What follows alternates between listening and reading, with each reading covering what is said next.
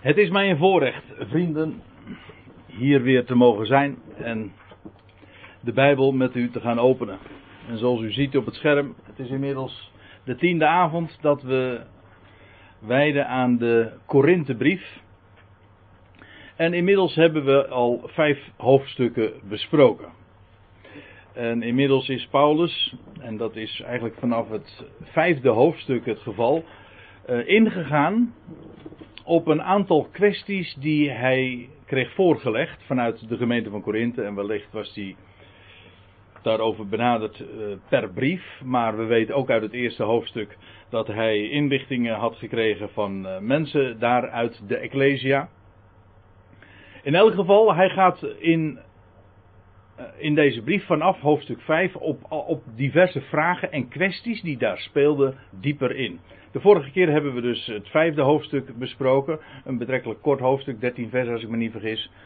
En dat ging over die boze in de Ecclesia en hoe de Ecclesia daarin zou handelen. Misschien is het goed om nog eventjes een korte terugblik te geven over wat we tot dusver hebben besproken. Even in een, een idee nog te krijgen van wat er zo in de eerste vijf hoofdstukken ter sprake gebracht wordt. Wel, in hoofdstuk 1 begint Paulus met de gebruikelijke groeten en de introductie. En dan staat dit hoofdstuk met name in het teken van de wijsheid van deze wereld. Of ik moet eigenlijk zeggen wat de wijsheid van deze wereld heet. Want in werkelijkheid is het geen wijsheid, maar dat wat de reputatie heeft. In hoofdstuk 2 wordt dat gecontrasteerd met de wijsheid van God. En dan krijg je hoofdstuk 3, en u begrijpt, dit zijn zomaar even hele korte en grove omschrijvingen, beschrijvingen van wat er in die hoofdstukken speelt en naar voren wordt gebracht. Hoofdstuk 3 gaat over Gods akker en Gods bouwwerk, dat is de Ecclesia. En hoe uh, belangrijk dat werk is dat God vandaag doet, namelijk een Ecclesia verzamelen en hoe die bouw plaatsvindt van dat bouwwerk en hoe die akker groeit.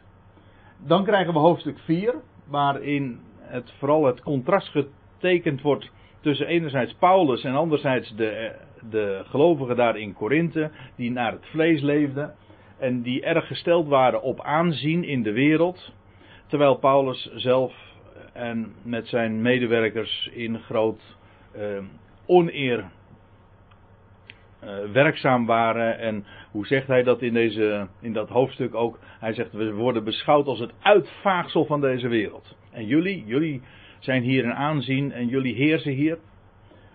En dan hoofdstuk 5, en dat is, dat is een, een afgesloten thema. Hoofdstuk 5 dat gaat echt over één kwestie. En in hoofdstuk 6, waar we straks dus mee beginnen, uh, dan begint er dus weer echt een heel nieuw, een nieuwe vraag die Paulus dan opwerpt. Of een kwestie die hij ter sprake brengt. Dus die hoofdstukindeling hier wordt heel simpel, omdat dat echt afgebakende terreinen, afgebakende kwesties zijn.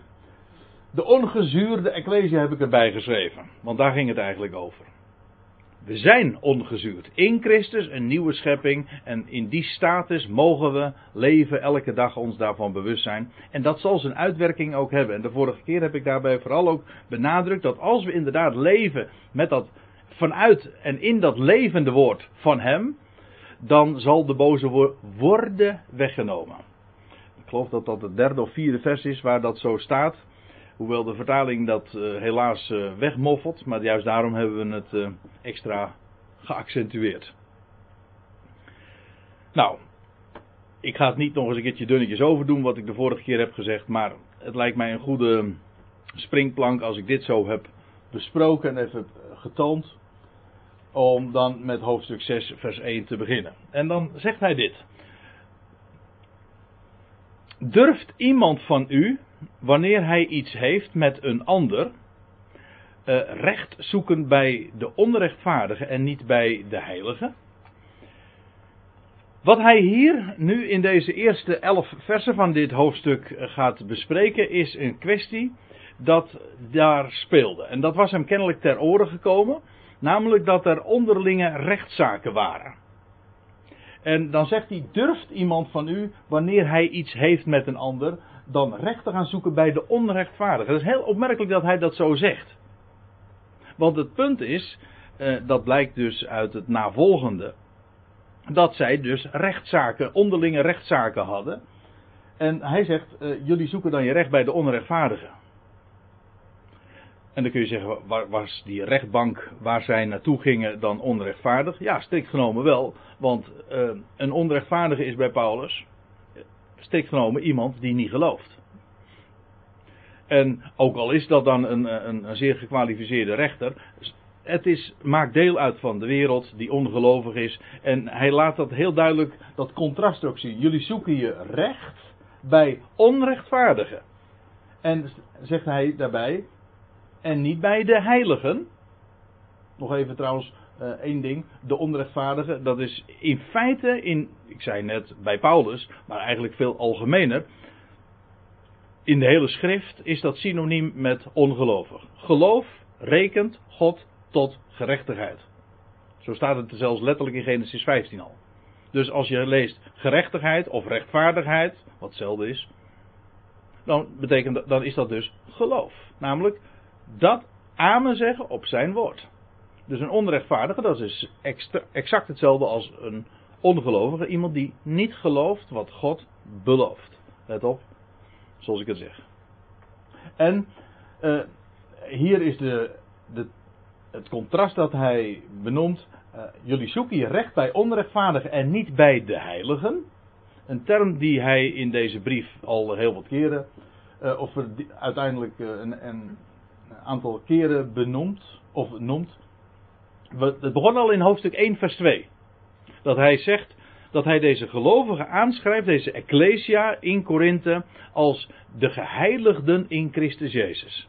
Wat, ik, ik herinner me dat, ik, dat we dat toen ook hebben gememoreerd. Dat het eigenlijk heel opmerkelijk is dat als je weet wat er allemaal speelde, wat voor onheilige kwesties er allemaal aan de orde waren daar in die Ecclesia, dat Paulus ze niettemin op voorhand aanspreekt als heiligen. En dan kijkt hij niet naar de wijze waarop zij leefden, maar dan kijkt hij naar wat zij zijn in Christus Jezus.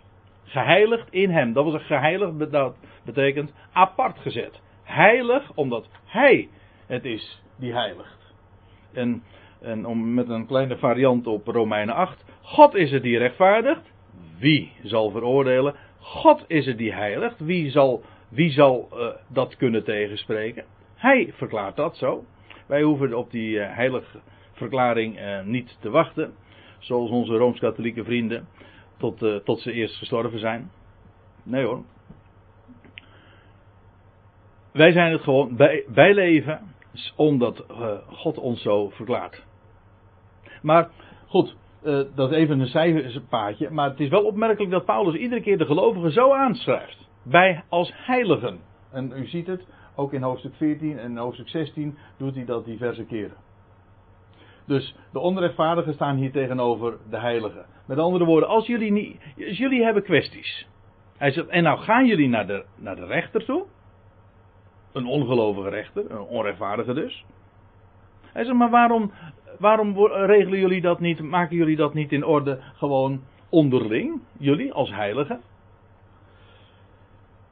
En hij stelt dan uh, in het tweede, in het derde, in het vierde, in het vijfde vers, misschien kan ik nog verder gaan, allemaal uh, een, retorische vragen. Het is een aaneenschakeling haast van retorische vragen die hij dan stelt. En dan, eh, dan begint hij met, of weet gij niet? Dat is typisch Corinthisch. Ook typisch Paulus trouwens, want hij doet dat in diverse brieven. Maar met name in deze brief eh, stelt hij iedere keer die vraag.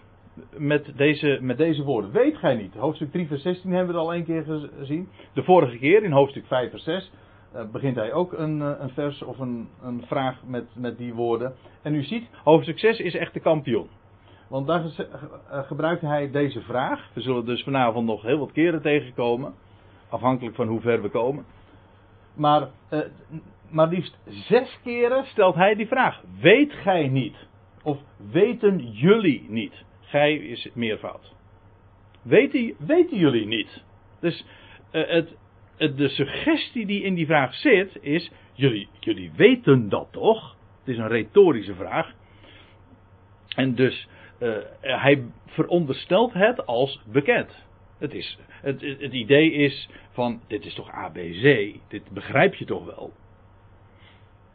Hoewel het dan leuk is, vind ik, dat de dingen die hij dan vraagt, bij nader inzien vaak helemaal niet zo erg bekend zijn. Als hij zegt van, weet gij niet, nou we, we, zien, we zien het eigenlijk meteen hier al. Dat de heiligen de wereld, weer die de heiligen, wij, wij dus. Hij zegt dus eigenlijk wij, wij heiligen, geheiligd namelijk in Christus, de wereld zullen oordelen. Weten jullie dat niet? nou, uh, zij, de Corinthiërs wisten dat wel.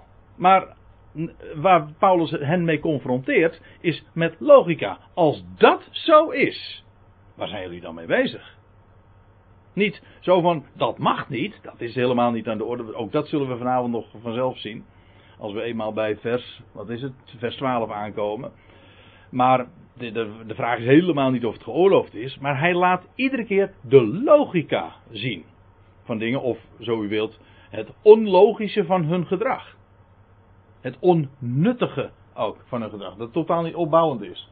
Maar eerst eventjes, voordat we nou uh, op de, uh, het in verband brengen met waar, ze, waar die Corinthiërs mee bezig waren, vind ik het toch wel even goed om even dit ons uh, goed te realiseren wat hij hier eigenlijk zegt en als bekend veronderstelt. Weten jullie niet dat heiligen, wij, geheiligd in Christus Jezus, de wereld zullen oordelen? Even één ding trouwens nog. Dat woord oordelen, dat is het woord richten. Let op, dat is wat anders dan veroordelen. Dat zijn twee totaal verschillende, nou ik zeg totaal verschillende woorden. Het is net zo verschillend als in het Nederlands. Je kunt iets oordelen, namelijk ook, dat kan zijn beoordelen. Het kan ook gewoon zijn uh, richten. Ik oordeel. Bijvoorbeeld een, een, een, een, rechter oordeelt, maar feitelijk iemand die uh, leiding geeft, of koning is, of in het bestuur zit, oordeelt ook voortdurend, namelijk die krijgt, die neemt besluiten. Een besluit is namelijk ook een oordeel.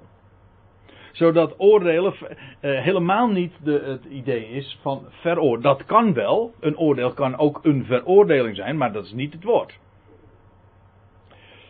Zoals bij ons dat trouwens ook het geval is. Een oordeel is wat anders dan een veroordeling. Ik kan ik kan uh, een glas wijn voorgeschoteld uh, krijgen. En dan zeg je van, wat is jouw oordeel? Dan zeg je, nou, het is perfecte wijn. Dat is mijn oordeel. Dat is geen, als ik zeg het is slootwater, dan is het een veroordeling. Voelt u? Dus dat de heiligen de wereld zullen oordelen, betekent dus richten. Die status hebben wij. In feite, het is heel. Uh, frappant dat het woord ecclesia, dat is volksvergadering. Hè? Dat is een uitroepsel, maar dat was feitelijk een politieke term. Een volksvergadering, dat blijkt uh, op, op verschillende manieren, maar uh, in, sowieso is het algemeen bekend als je een Griekse encyclopedie of een woordenboek be, bekijkt en je, en je, je je gaat na wat het woord ecclesia betekent. En dat was een, een, een volksvergadering. Dat was het de hoogste instantie in de Griekse wereld. Namelijk daar waar de besluiten uh, vielen. Waar, de, waar het volk werd geleid. De volksvergadering. En uh, daar is ook een heel uh, frappant Bijbels bewijs voor in Handelingen 19. Daar lees je over de volksvergadering van Efeze waar het hele volk tezamen kwam en daar werden de besluiten genomen die, uh, die betrekking hadden op de stad. Het was de hoogste instantie van de regering. Dat, was de, dat is de Ecclesia. En het grappige is, ja, ik vind het eigenlijk wel aardig. In Handelingen 19, als het dan gaat over die volksvergadering van, van Efeze, dan wordt het vertaald met de volksvergadering. Maar daar staat gewoon het woord Ecclesia hoor. Dus hetzelfde als, als wat. Uh, nou ja, eh, niet in dit vers, maar even later wel eh, wordt dat dan ook zo gezegd. De Ecclesia. Dus de Ecclesia, dat is een volksvergadering. Het is een politieke instantie. In, dat wil zeggen, wij zijn bestemd voor de troon. Dat is eigenlijk wat ik wil zeggen. En dat is ook wat die, eh, de lading van dat begrip Ecclesia. Bestemd om leiding te geven. Om te oordelen. Om te richten. Let op. De wereld. Er staat hier de kosmos. U ziet het. eh, Zelfs al ken je geen Grieks, dan eh, kun je het haast nog in lezen. De kosmos. De wereld. In zijn, in zijn kosmische, dat zo kun je het heel mooi zeggen in het Nederlands, in zijn kosmische uitgestrektheid. Dat is de plaats eh, die voor ons weggelegd is. We zijn in Christus en wij zijn bestemd tot regering over de kosmos. Ja, in de hemelse regie, vanuit de hemel, maar kosmisch wijd. Of kosmoswijd moet ik zeggen. En niet, ik, nou ja, ik zou haast dat verwarren met het woordje komisch. Dat vind ik het ook wel hoor. Want ik kan er wel om lachen. Dat, we, dat, we, dat wij dat zo. Soms denk ik wel eens een keertje. Zeker als je de, met de Korinthebrief even in gedachten. eh, zo'n. eh, even onder ons gezegd. Even zo, zo'n zootje ongeregeld. Want dat was het in Korinthe. Maar, zegt Paulus. Jullie zijn geheiligd. En we zullen de wereld richten. Vergis je niet. Dat is allemaal gaaiers, hè? maar niettemin met die bestemming. En, eh, ik, waarbij ik dan bijvoorbeeld ook denk aan, eh, aan wat er ooit eh, plaatsvond in de dagen van David, toen er nog geen koning was. Wat eh, deed David? Hij verzamelde mannen om zich heen en dat was ook allemaal ongeregeld. Nou, dat waren bepaald geen heiligen, maar het waren allemaal mannen. Eh, nou, er, was, er, er mankeerde heel veel aan, lees je in, eh, daar in die spelonk van Adullam, 400 man die die om zich heen had. Jawel, maar ze waren bestemd voor de troon. Toen David de troon eh, ging bezetten, daar in, eerst in Hebron, later in Jeruzalem. Toen deelden die mannen, die ooit in zijn vernedering hadden gedeeld, deelden toen in zijn koninklijke heerlijkheid en kregen hoge posten.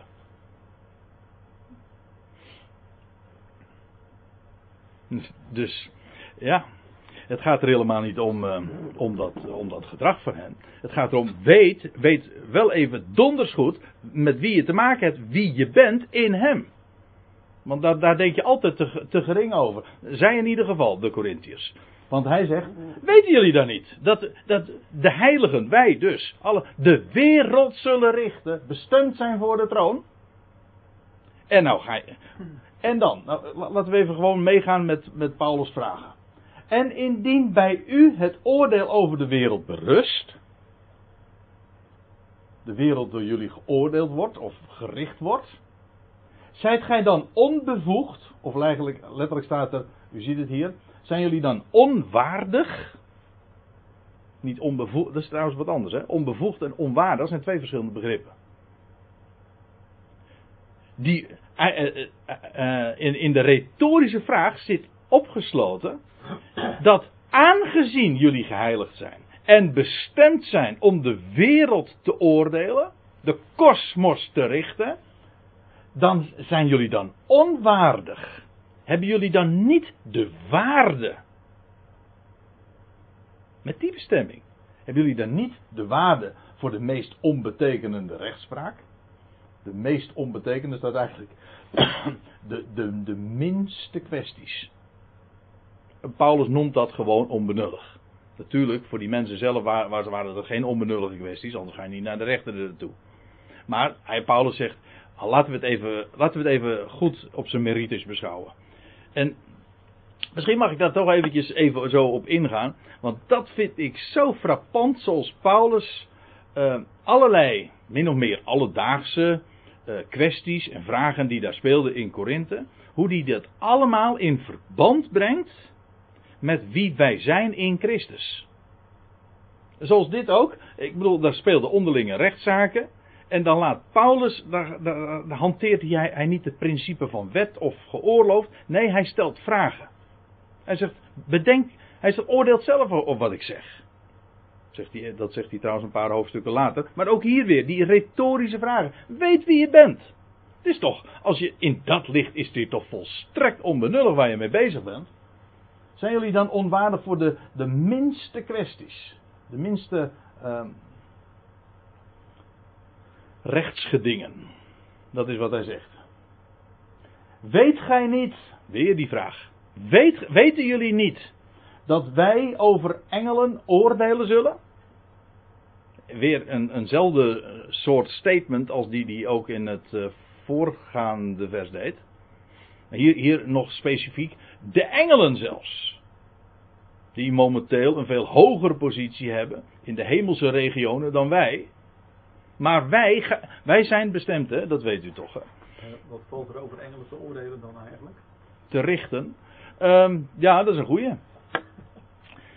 Uh, nou, in ieder geval, uh, wij, wij gaan over hen. Misschien is, ik, ik, ik heb er daar een, een, een mooie schriftplaats uh, bij. ja, die had ik al, ik, op een of andere manier voelde ik aan dat Ari met een vraag zou komen. want dat is namelijk zo. Hij had, al gesproken over de kosmos. En in feite is de kosmos een term dat alles insluit. Hier gaat hij nog even specifiek. Namelijk en noemt hij machten, boodschappers, hemelse wezens. Die achter de coulissen zeg maar, van deze wereld de touwtjes in handen hebben. Dat komt in deze Korinthebrief niet zo uit de verf, of in ieder geval niet ter sprake. Maar als je bijvoorbeeld de Efezebrief hebt, dan staat dat. Uh, Efeze 6 is een bekend hoofdstuk, daar wordt er gesproken over de overheden, de overheden, de machten en de krachten, de, kos, de kosmokraten, wordt, het wordt dan vertaald met de wereldbeheersers, maar de kosmokraten van deze aion. De, dus daar gaat het over al, in, ja, in de, ik weet niet of ik het nu al gezegd heb, maar, nou in Efeze 6, wil ik het eventjes met u dan voorlezen. Voordat ik het fout zeg. Oh ja, daar gaat het over die strijd. We hebben niet te eh, strijden tegen bloed en vlees, maar tegen de overheden en de machten en de wereldbeheersers, de kosmokraten, Efeze 6, vers 13, vers 12, 13. En tegen de, de, geestelijke boos, de geestelijke machten van de boosheid in de hemelse gewesten. Of te midden van de hemelsen. Of te midden van de hemelingen. Hemelse regionen. Dat is een beetje omstreden hoe dat precies is. Maar in ieder geval daar in de hemelsen. Daar. Want daar zitten feitelijk onze rivalen. Nou, nou ja, het zijn niet zozeer onze rivalen als wel dat wij hen, hun rivalen zijn. Dus u begrijpt wat ik bedoel. Want wij hoeven er niet voor te strijden, wij, wij hebben gewoon die positie. Maar zij eh, hebben momenteel, uh, daar achter de schermen, beheersen zij ook de gang van zaken hier in deze wereld. Wij, als wij straks naar boven gaan, dan gaan zij naar beneden. Dat wil zeggen, er vindt dus gewoon een, een wisseling van de wacht maar, uh, plaats. Wij gaan naar boven. Waarom? We worden, zoals dat staat in openbaring 12, die mannelijke zoon die wordt weggerukt tot God en zijn troon. Ja, en dan, dan lees je vervolgens dat Satan met al zijn consorten, Satan en zijn, al zijn personeel zeg maar, die wordt op aarde geworpen. Wij naar boven, hij, hij met de zijnen naar beneden. Waarom zeg ik dat nu? Omdat daarmee is aangegeven, wij zijn, zoals ik net al, uh, al min of meer aangaf, wij zijn bestemd tot de hoogste positie in de kosmos, boven alles. En dan zullen wij straks ook de, de, de macht ook overnemen. Met Christus zullen wij van daaruit regeren over de, over de ganse kosmos. En dan zullen we dus ook engelen oordelen. Al, sowieso al in aanvang. Want dan zullen wij eruit, of wij naar boven, zij naar beneden. Dat is al, een, dat is al op zich een oordeel. Daar vindt dus een hele machtswisseling plaats. Maar ook, uh, ook later, ik bedoel, wij hebben het. Wij krijgen het voor het zeggen. Wij hebben. Ik, nou, laat ik het. Uh, maar, gewoon het vers noemen waar ik, uh, waar ik graag even uw aandacht voor wil vragen. Dat is dan niet Efeze 6, maar Efeze 1. Daar lees je over de Heer Jezus Christus vandaag. Over eh, hoe hij verhoogd is. En dan staat er dat hij geplaatst is, dat hij gezet is, van Gods wegen, boven alle overheid en volmacht. Ik ga nu niet in op die, al die termen, dat doet nu even niet de zaken. Ik, ik wil wel uh, in, gedachten nog steeds bij, eh, bij 1 Korinthe 6 blijven. Maar Christus is geplaatst boven, over, boven alle overheid en macht en kracht en heerschappij en alle naam die genoemd wordt. Niet alleen in deze, maar ook in de toekomende aion. En dan staat er, Hij, God, heeft alles, let op, alles onder zijn voeten gesteld.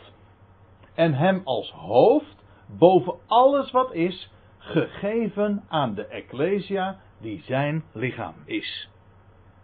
Nou, daar staat hier heel veel. Heel veel. Maar één ding moet toch duidelijk zijn: dat aangezien hij de toppositie boven alles inneemt.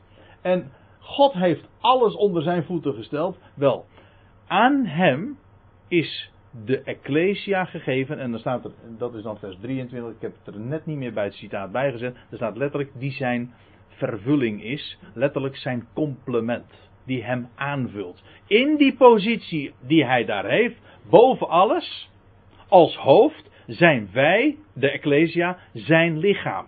Dus als alles onder zijn voeten is gesteld, dan, is dat niet alleen, dan geldt dat niet alleen voor hem, het hoofd, maar dan geldt dat voor ons ook, wij die het lichaam zijn. Alles is onder zijn voeten gesteld. Dat doet hij niet alleen, dat doet hij samen met de Ecclesia, de, e- dat uitroepsel. Dat is dus met recht zijn complement, niet, niet, niet compliment, maar zijn complement. Dus dat wat hem aanvult. Compleet wat hem compleet maakt, dat is het. Ja.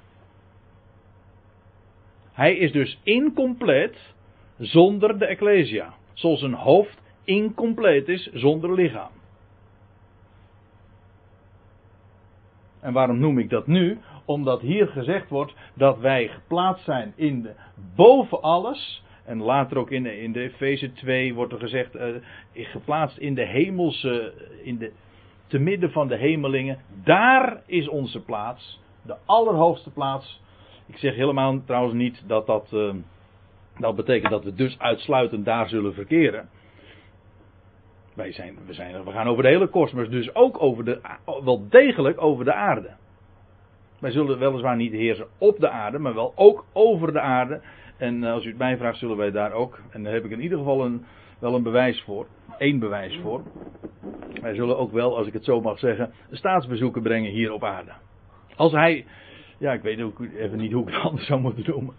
Maar uh, als hij straks in heerlijkheid zal verschijnen, hier, bijvoorbeeld straks op de Olijfberg bij, bij Israël, dan zal hij verschijnen met ons. Ik bedoel dit te zeggen, alles is onder zijn voeten gesteld, hemel en aarde. Wel, en wij delen in die positie. En Paulus heeft dat onderwijs ook gegeven. Hij heeft, Paulus heeft verteld, vandaar dus die vraag, weten jullie dan niet? Met andere woorden, ik heb jullie toch wel verteld wie, wie jullie zijn als Ecclesia. Bestemd voor de troon. Als aanvulling op het hoofd, Christus.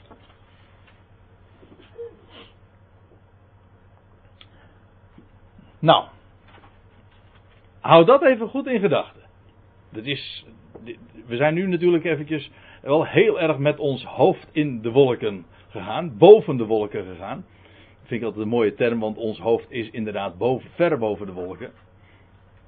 Toch? Ja, ons hoofd, ik bedoel met een hoofdletter. Hè? Met onze voeten op aarde, maar met ons hoofd in de, eh, boven, ver boven de wolken.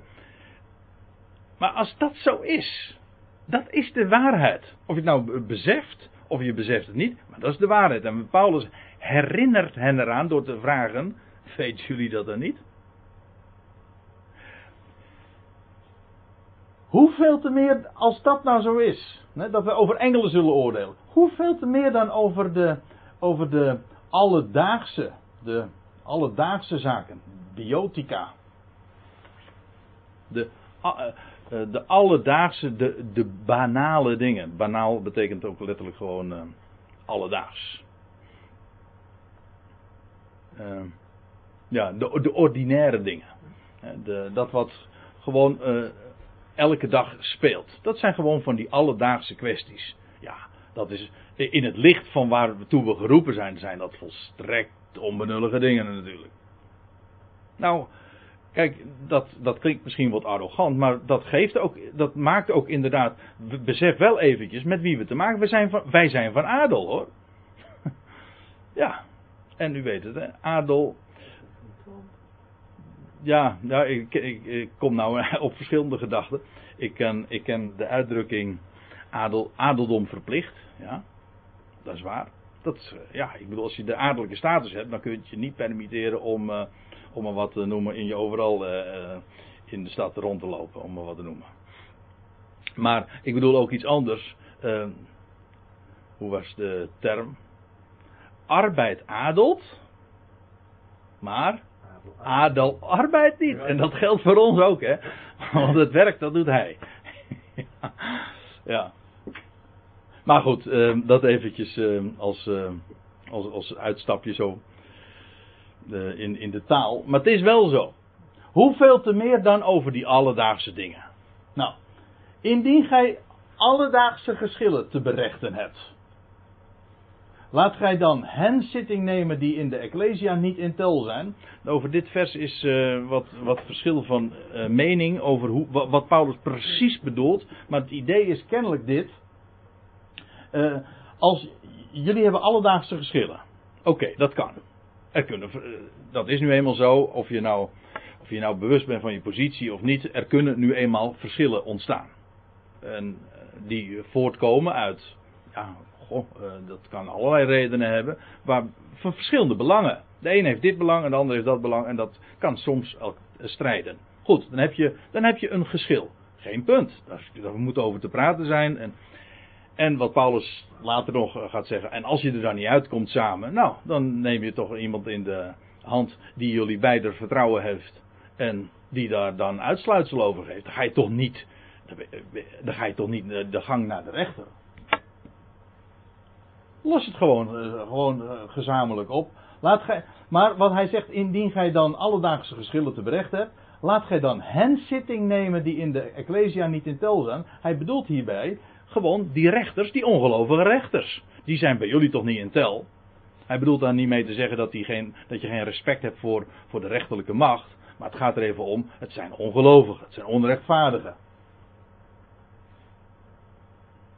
Die zijn in de Ecclesia niet in tel. Ik bedoel, dat vind ik ook wel weer mooi, zoals wij daar dan tegen aankijken.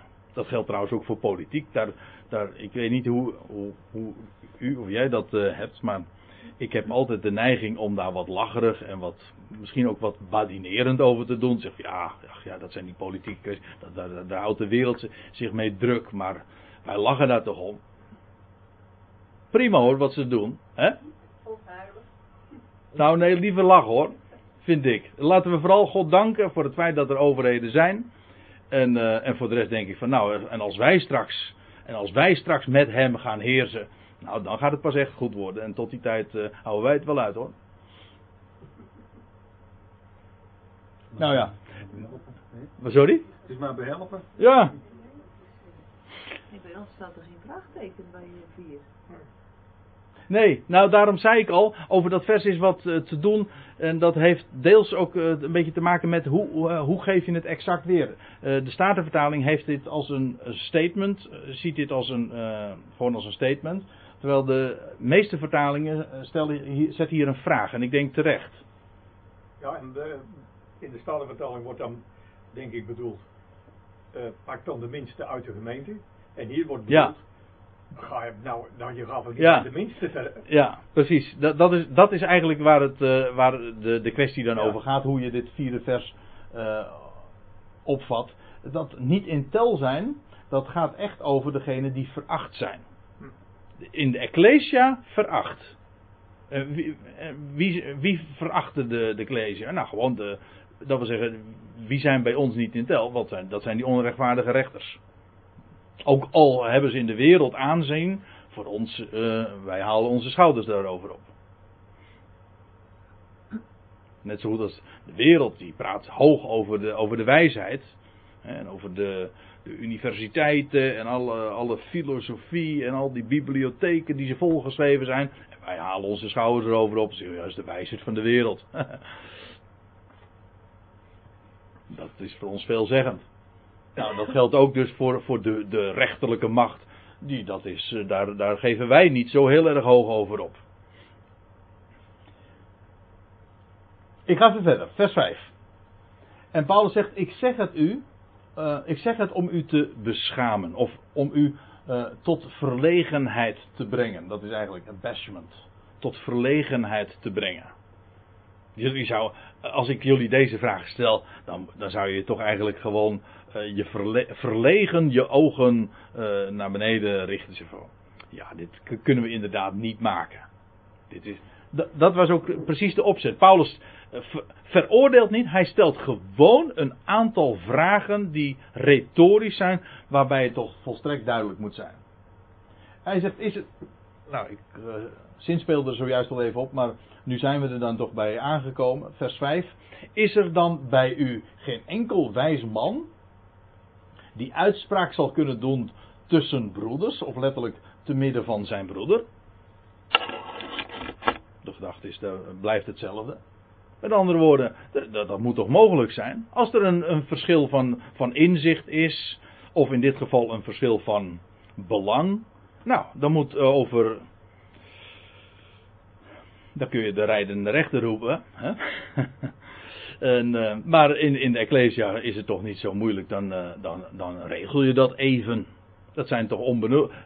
In, in het licht van waar we toe geroepen zijn, zijn het onbenullige kwesties. Dat kan ik u op voorhand zeggen. Hoe hoog het ook kan oplopen. Er zou toch iemand zijn die. Een wijs iemand die het vertrouwen heeft van allen. Of van beide partijen. Ja, die doet daar een uitspraak over. En opgelost is het. Daar, daar richt je je dan, dan, naar. Dan ga je toch geen rechts. Geen, uh, dan ga je toch niet bij de ongelovige rechten te, te raden. Vers 6 zegt dat ook. Zoekt nu de ene broeder recht tegen de andere. Of als je het heel letterlijk vertaalt. Brother with brother. Hè? Maar broeder met broeder wordt berecht. En dat bij de ongelovigen. Dus jullie gaan recht een, een, een, onderling geschil, dat kan er zijn. Jullie maken er een rechtszaak van. En dan nog wel bij de ongelovigen. Ja, dat is dan logisch. Dan, dan kom je bij de ongelovigen terecht. Maar Paulus, hij stapelt eigenlijk de ongerijmdheden op elkaar. Zodat het toch volstrekt helder moet zijn van ja, dat is inderdaad toch wel heel vreemd. En dan zegt hij er nog bij, maar dan is de zaak voor u reeds geheel verloren dat gij tegen elkaar rechtszaken hebt. Met andere woorden, eigenlijk is uh, het loutere feit dat het een rechtszaak is, dat is eigenlijk al, dan heb je de zaak al verloren. En dan vraagt hij nog, uh, er zegt hij er nog iets bij, en dat is een belangrijke toevoeging. Want hij had al geopperd, in de eerste plaats, dat als je dan een geschil hebt en jullie kunnen het niet oplossen, dan zou je toch ook gewoon een wijze broeder in de arm kunnen nemen die daar een uitspraak over doet. Dat is één ding. Maar bovendien, hij zegt, als het dan al niet op te lossen is, en dan geeft hij het laatste en misschien nog wat belangrijkste argument. Waarom leidt gij niet liever onrecht? Of waarom laat gij u niet liever tekort doen? Ook als, je dat, ook als dat in jouw nadeel zou zijn. Dat kan zijn. Nou en?